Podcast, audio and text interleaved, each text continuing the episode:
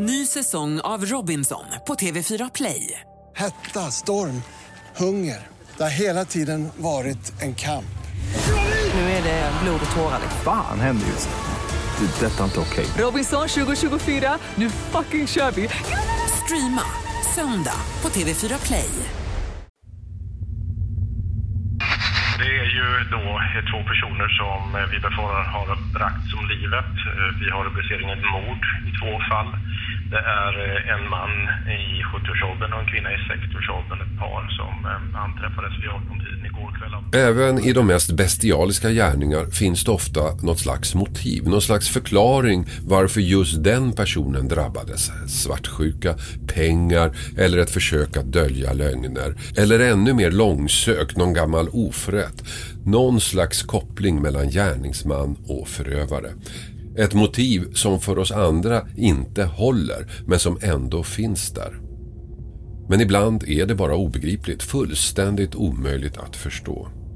Som dubbelmordet i Mantorp den 11 juni 2017. Ett äldre par, han 70, hon 62, mördas på det mest brutala och vidriga sätt i deras eget hem. Paret hittades nästa dag. Deras dotter kom till platsen och fann sina föräldrar fastbundna på varsin stol med mun och näsa förtejpade och med halsarna avskurna. Jag, liksom alla andra, blev väldigt illa berörd när detaljerna om mordet blev kända. Det går inte ens att föreställa sig hur deras sista minuter varit. Och jag, liksom de flesta andra, antog att det fanns någon koppling mellan paret som råkade ut för det här och den som gjorde det. Att det var ett rån, att de kände varandra eller att någon var ute efter pengar.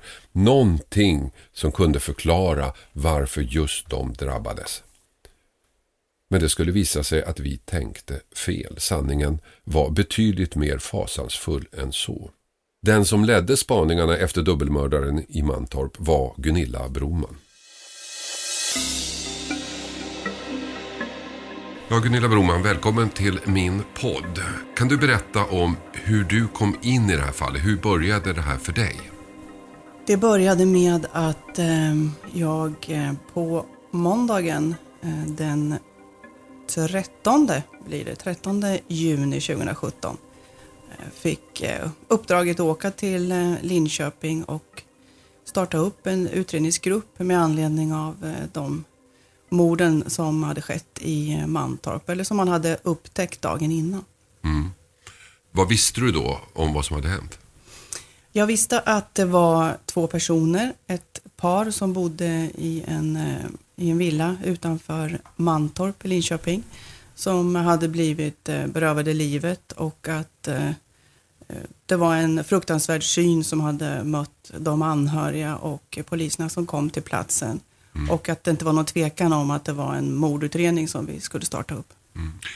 När du fick höra då detaljerna om vad man hade sett när man kom dit och på vilket sätt det här paret hade blivit mördat, vad tänkte du då? Ja, det är många tankar som eh, far genom huvudet. Dels eh, uppdraget som sådant, att, eh, vad, vad vi ska göra helt enkelt och fokusera på. Och samtidigt, vad kan det här vara för gärningsman eller gärningsmän som gör på det här viset? Eh, så ja, det var många olika tankar som for genom huvudet.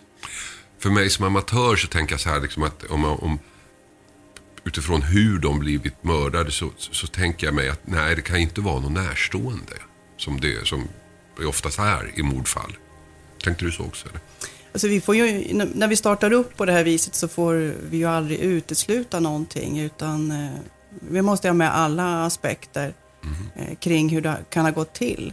Och göra en kartläggning av offren ordentligt och se hur de har levt och, och vad det finns för relationer.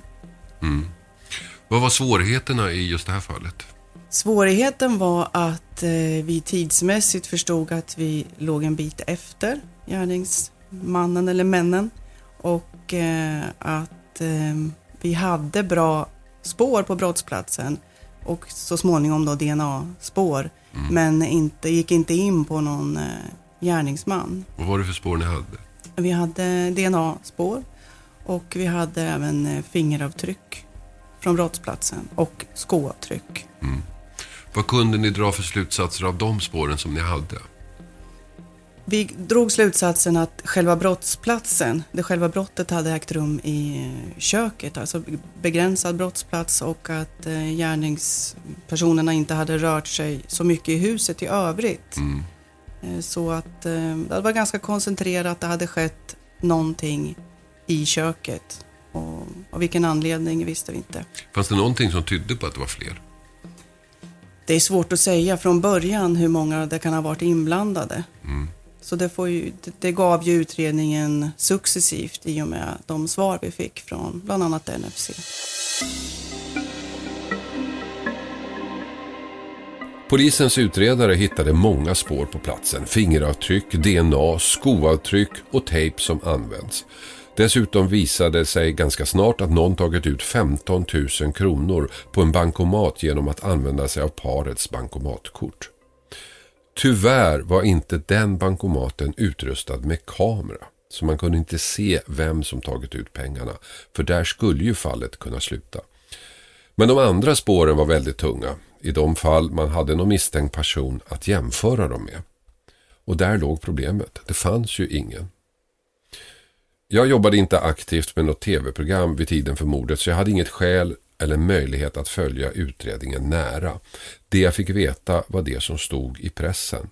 Och där fick jag intrycket att utredningen gjorde framsteg. Tre bröder greps vid en rutinkontroll bara timmar efter att paret hittats. Ett par i en raggarbil efterlystes också efter att bilen hade setts vid brottsplatsen vid tiden för mordet. Två personer anhölls till och med misstänkta för att ha utfört dådet. Så det här blir ju snart löst, trodde jag. Men så blev det inte.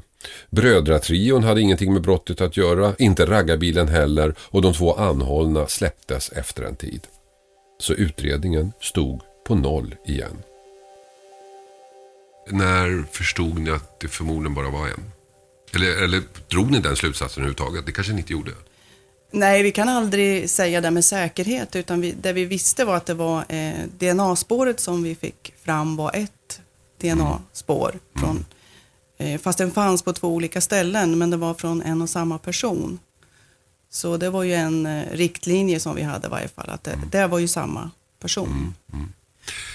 Det här fallet var ju, väckte ju stor uppmärksamhet och det, det, ni hade andra misstänkta och, som, som också spekulerades om i tidningarna och sådana saker. Vad kan du berätta om, om det nu efter, i efterhand? De, de spår som ni ändå på något sätt gick vidare på men som inte ledde någonstans.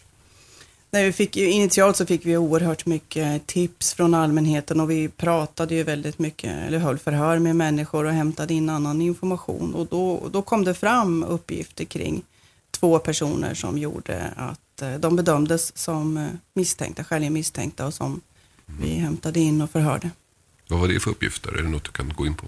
Nej, det var dels från förhör, alltså Ja. människor som hade gjort iakttagelser och, och så vidare. Och, eh, men i och med den åtgärden kunde vi också utesluta att de inte var aktuella i ärendet. När man då jobbar med ett fall så här, man, man får upp ett spår, man tar in folk till förhör och så visar det sig att det var inte dem. Hur känner man då som utredare? Ja, det är ju både och. På ett vis så är det ju skönt att veta, nej men det här spåret kan vi släppa nu, för nu har vi jobbat igenom det och det är inte de här personerna, utan nu får vi fortsätta arbeta oss successivt och system, systematiskt igenom med vidare andra åtgärder. Eh, samtidigt så för anhörigas skull och för eh, risken att det ska ske något grovt brott igen så är, känns det ju inte bra heller naturligtvis. Det var där och då polisen beslutade sig för att försöka klara ut vad tejpen man hittat hade köpts. Det låter enkelt men det är betydligt mer omfattande än så. Det var två sorters tejp. En vanlig packtejp och en gaffatejp. Vanlig den också. Båda fanns att köpa i stort sett överallt. Båda finns hemma hos väldigt många människor i källaren eller verktygslådan. Men kombinationen av de två tejperna kanske inte är så vanlig, särskilt om de köpts vid samma tillfälle. Det här var naturligtvis en chansning men det var det enda man hade att gå på och det blev en omfattande undersökning. Väldigt många rullar av tejperna hade sålts även i kombination. Det såg tröstlöst ut.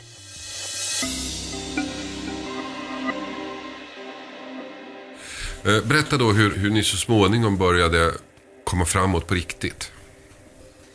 Ja, det, det är ju många olika ingredienser i ett sånt här ärende och mycket samarbete. Det bygger ju på att vi, vi jobbar med andra för att komma framåt. Så det var ju dels att vi kunde utesluta många personer genom förhör och andra informationsinhämtade åtgärder. Eh, sen eh, så hade vi det här DNA-spåret. Eh, vi eh, spekulerade i olika saker som vi skulle kunna gå vidare med utredningsåtgärder och där bland annat var ju tejpinköp för paren. Eh, offren var ju kraftigt tejpade med eh, silverfärgad vävtejp och svart PVC-tejp. Det här är en avrättning. Så beskrev chefsåklagaren Per Andersson morden på Tor Lekander och Ann-Kristin Lekander som förra sommaren blev offer i ett dubbelmord. Enligt åklagaren blev de två offren kraftigt bundna med tejp och juristen Elisabeth Massi Fritz kallar mordet... När bestämde ni att ni skulle fokusera på det, att ni, ni skulle gå vidare med tejpen? Var någonstans i utredningen är vi? Ja, vi är i, i början av utredningen där vi, vi har det som en, ett, en tänkbar uppgift att spåra vidare. Mm. Sen förstod vi ju att det skulle bli väldigt svårt och omfattande men att vi måste göra det. För att eh, visst, det kunde ju vara så att tejpen fanns i huset från början. Men vi kunde ju inte utesluta att den hade köpts in just mm. för det här tillfället. Så då börjar vi det eftersökandet med eh, att ja, prata med olika affärer. Ja, hur gör man rent praktiskt? Det är en, en, grupp, en särskild utredningsgrupp som fick jobba enbart med att eh, hämta information om tejper och mm. eh, vi hade ett litet jämförelseprov så småningom då. Eh, och, och, se om det kan stämma överens med vad den, den affären har för tejp till slut då så landade vi på att det, det är en förmodad tejp från Biltema. Mm. Och då kunde vi vända oss dit och, och eh, ja, fråga om olika inköp helt enkelt. Mm. Det, det, då när, när det här kom ut i pressen så talades det om att det var en väldigt ovanlig typ av tejp, men det var det ju inte. Nej, det var en, en vanlig tejp. Mm. Och det ovanliga var, eller det som så att säga gjorde att ni ändå kom framåt var kombinationen. Ja, precis. Eh, via eh, Biltema då så fick vi hjälp att eh, få in kvitton. Och det var ju ganska många kvitton som hämtades, eller vi fick information om att så här stort är urvalet. Jag tror det var 177. Eh, utifrån den här kombinationen med att ha köpt silvertejp och eh, svart PVC-tejp. Mm. Som vi sen eh, begränsade i geografiskt eh, område, tidpunkt och, och så vidare som gjorde att vi kunde krympa ner antalet inköp. Mm. Till vilket antal kom ni? Eh, vi kom ner till 12. Och vad gjorde ni då? Då bestämde vi oss för att de här personerna ska vi förhöra och vi ska DNA-topsa dem mm. för att eh, komma vidare. Mm. Och hur gick det? Ja, det gick bra. Vi, eh, vi eh, pratade med, bland annat då, eller höll förhör med den personen som numera är dömd för brotten. Mm. Och eh, den 13 september så förhördes han och topsades. Var stod han på listan? Hur många hade ni? Han var inte först på listan i alla fall. Eh, nej, men han var i, bland de första där. Mm. Mm. Alla tolv kallades till topsning. Ingen vägrade. Och det blev träff. En persons DNA stämde överens med det som hittats på brottsplatsen. 22-åriga Edvin Gyllensvan. Inte bara DNA stämde, också fingeravtrycket och skospåret. Nu var polisen säker. Det var rätt man. Hur reagerar då en, en vanlig person som, som är oskyldig och när ni ringer och säger ja nu vill vi prata med dig om det här och vi vill topsa dig. Hur reagerar man? de allra flesta förstår eh, syftet med det och, och, vi förklarar ju väl varför vi gör det här. Mm. Och att det är en del i utredningsprocessen och de allra flesta är, eh, är förstående och, och eh, går med på det som eh, vi vill så att säga, att vi mm. pratar med dem och dna mm. Hur reagerade den här personen? Han var också eh, välvilligt inställd till och mötte, mötte upp de personerna som kom och genomförde förhöret och topsningen. Mm. Det fanns ingenting där som gjorde att ni blev misstänksamma? Eh, nej, inte direkt. Lite nervös, men det finns ju många människor som blir eh, nervösa när polisen kommer och pratar med dem. Mm. Att, eh, Går man hem till dem eller kommer de ner till stationen? Det är olika. Ibland så möter vi upp i hem eller arbetsplatser. Men i de flesta fall så, om det finns en polisstation i närheten så kallar vi dit. Men vi gör det ju så skonsamt som möjligt ändå för de personerna som ska höras när man inte är misstänkt. Hur lång tid tog det då från att ni hade topsat honom tills ni fick svaret? Topsade den 13 och sen eh, den 15 september på morgonen fick vi besked från NFC att det var en grad plus fyra som man säger, en, eh, hade gått in på den här personen som numera är dömd. Och samtidigt så fick vi besked om eh, även att en sko hade kvitterats ut till den misstänkte personen. En sko vars modell eller skoavtryck eh, fanns i, i huset på brottsplatsen. Mm. Hur tänkte du då när du fick de här beskeden? Ja, det kändes fantastiskt bra, en lättnad men samtidigt en, en oro för var, var är den här personen idag och kommer vi att hitta honom och det börjar ju en, en ny del i utredningen att hitta honom och säkra bevis och mm. liknande kring honom. Efter mordet fick polisen upp spår som ledde utredningen åt olika håll. Polisen kunde också säkra DNA-spår från brottsplatsen som ledde till en tidigare ostraffad 24-årig småbarnsfar. Men vem var han då? Och hur kände han paret som mördades? Ja, han var far till två små barn och bodde ihop med mamman. Familjen beskrev honom som omtänksam och snäll. Men vid närmare undersökning fanns dock tecken på att han hade psykiska problem. Under 2014 försvann han och söktes av Missing People. När man till sist fick kontakt med honom befann han sig på en psykiatrisk avdelning i Göteborg. Och när brodern och pappan kom dit upptäckte de att han försökt begå självmord på ett hotellrum och skrivit ett avskedsbrev. Han blev intagen för psykiatrisk vård och fick tung medicinering. Men han frisknade till och blev tillsammans med sin flickvän igen efter en paus i förhållandet och barnen kom. Men hur kände han, det mördade paret? Vilken koppling fanns det mellan dem och honom? Hur polisen än letade hittade man ingen koppling. Hur reagerade han då när, när ni tog in honom och berättade det här för honom? Det gick väldigt lugnt till, tillväga, eh, själva gripandet och, eh, och åtgärderna som vi gjorde där på, på platsen, sökte igenom hus och liknande. Mm. Så det var inga, inget, ingen uppståndelse kring det alls från hans sida. Men i förhören nekade han ju sen? Ja, det stämmer. Hur tänkte du om det? Ja, det är ju inte ovanligt att eh, personer nekar Eh, Eh, när man är misstänkt för, för brott. Dels så kan det ju vara så att man faktiskt är oskyldig och nekar av den anledningen. Och sen kan det ju vara av andra skäl som man inte vill berätta sanningen. Mm.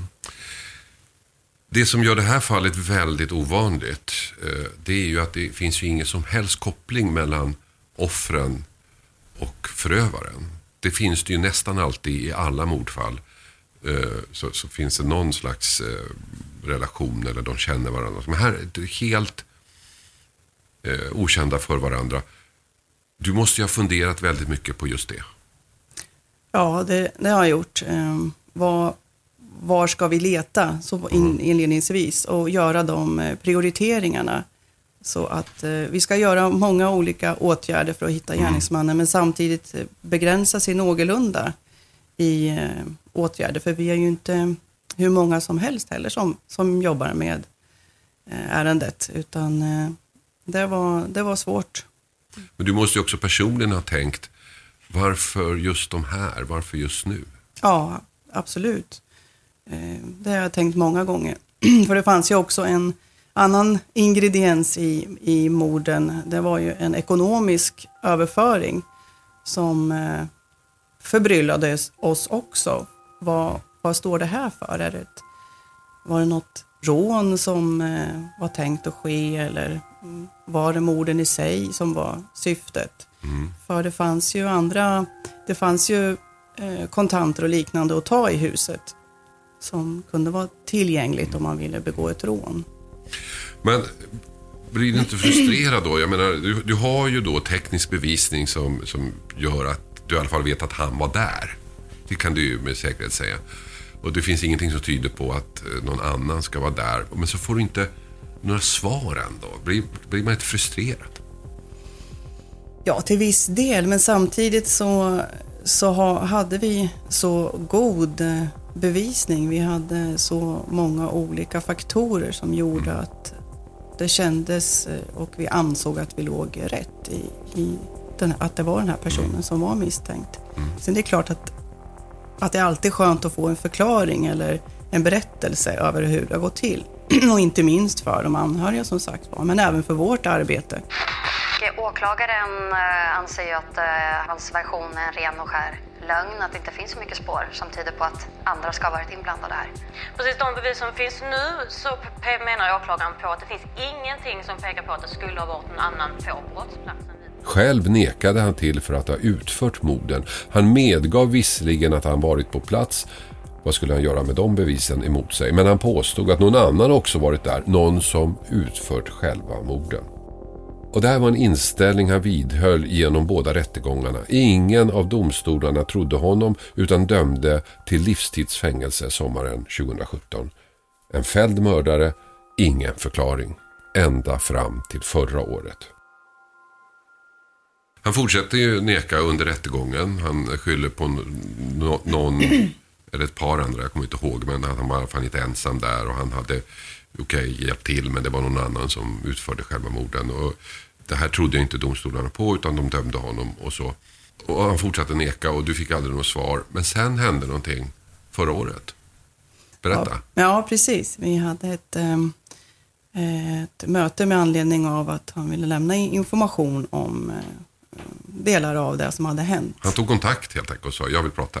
Ja, precis. Att, att eh, lämna information om ärendet och eh, då fick vi eh, ett klargörande över att, att det var han som hade varit ensam i huset. Och, Ni mötte upp honom i fängelset. ja. Ja, vad sa han? ja, han berättade som sagt att han hade varit eh, ensam på, på brottsplatsen och eh, att det inte var planerat från början utan att, att det var en impuls, impulsiv handling som gjorde att eh, det blev som det blev i huset, att de blev mördade. På, på ett väldigt grymt sätt. Ja, väldigt grymt sätt. Varför tror du han ville träffa dig och berätta det här? Jag vill inte spekulera i varför eh, det kan vara på det viset, men eh, dels så kan det vara som han själv sa, att för anhörigas skull, att vi kan få lämna lite mer information. Fick du någonsin svar på frågan varför just de här två? Varför valde han just dem? Eh, nej, eh, det fick jag inte. Utan att det var en mer impulsiv eh, handling som gjorde att han hamnade där han hamnade. Att det inte var planerat. Och de fall som du har varit med om och, och jobbat med så måste det här ändå vara ett av de märkligaste. Just för att det är, inte finns någon koppling. Ja, det är det absolut.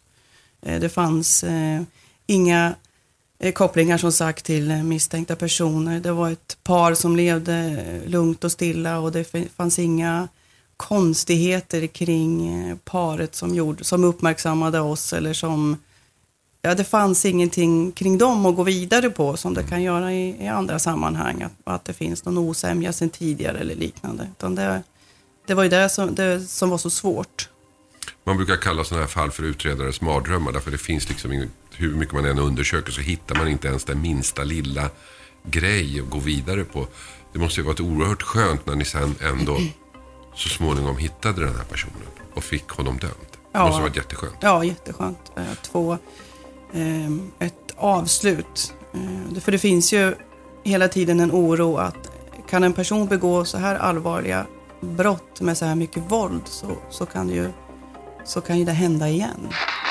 Småbarnspappan Edvin Gyllensvan tejpade och skar paret Lekander till döds på deras gård i Mantorp. Efter rättegången bedömde Linköpings tingsrätt Gyllensvan som skyldig. Tingsrätten har beslutat att han döms för två mord och till livstidsfängelse. Ett omfattande polisarbete ledde i höstas fram till att den 24-årige Edvin Gyllensvan kunde bindas till dubbelmordet. Fanns det någon gång under utredningen när du tvivlade på att ni skulle klara det här? Nej, Inte? jo. Jo, det, eh, det är klart att det fanns en oro att, eh, att vi inte skulle klara, men Ja, men med tanke på att det var så, svår, så svårt utredningsläge. Med. Ja, precis. Eh, Det var det ju. Men eh, inställningen, om jag ska uttrycka mig på ett annat sätt, eh, inställningen är ju hela tiden att vi ska klara upp det. Men eh, sen vart efter tiden går så det är klart att det finns en oro i varje fall att, att vi inte ska klara upp det. Men... Eh, För det är ju så med mordutredningar att det är ju den här typen av mord som riskerar att inte klaras upp. Ja, det är det. Så att den risken är ju betydligt större i sådana här Mm. sammanhang. Absolut. Hur känns det idag när du tänker på det?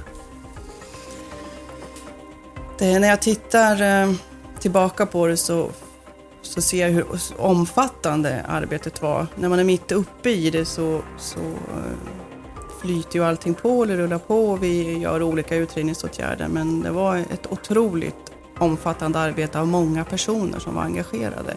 Och eh, hur mycket hjälp vi fick utifrån med, med alla människor som ställde upp, eh, som vi, vi kontaktade företagen, både den, när det gäller skor och, och tejper och så vidare. Och alla var så välvilligt inställda till att hjälpa oss. Och det är ju det som vi når framgång. Det är ju dels samarbete inom polisen och NFC och RMV och allt det här, men även med andra aktörer. Det är nå, vi kan nå framgång. Och få jobba ihop över tid. Att inte dra ner på resurser för tidigt, utan att man får vara en utredningsgrupp som får kämpa igenom olika uppgifter och uppslag. Tack så mycket. Tack. I december förra året kom alltså det som alla väntat på, ett erkännande. Först i ett brev till Expressen-reportern Nina Svanberg, sen i ett möte som vi hörde med Gunilla Broman. Och det framkommer att han valt ut paret av en slump, att det inte fanns någon koppling. Men varför, frågar man sig. Varför? Och svaret i brevet till Expressen-journalisten blir inte särskilt upplysande. Så här skriver han. Jag försöker förstå och framförallt så försöker jag lista ut varför jag gjorde som jag gjorde. Det är som någon slags mental spärr. Jag behöver tid att reda ut allt och nu har jag all tid i världen. Det sa jag till mitt ex också två veckor efter dom i hovrätt. Fastbundna, torterade, mördare. Jag försöker förstå, är svaret vi fick.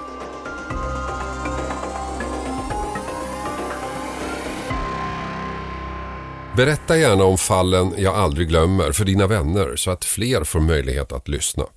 Och har du förslag på fall som du vill att vi ska ta upp eller har du andra synpunkter, mejla då till fallen at ilikeradio.se. Och jag har några som jag gör den här podden med som jag vill tacka lite extra. Research och inspelning David Persson, ljudsättning Alexander Martyris och exekutiv producent Mattias Arvidsson. Nyhetsklippen i sändningen kommer från Expressen TV. Och så till sist, missa inte Krimtorsdag på TV3. Efterlyst följt av en TV3-dokumentär om fallen ni aldrig glömmer. Produceras av I Like Radio. I like radio.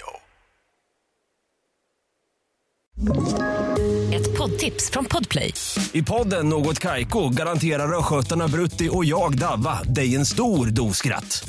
Där följer jag pladask för köttätandet igen. Man är lite som en jävla vampyr. Man har fått lite blodsmak och då måste man ha mer.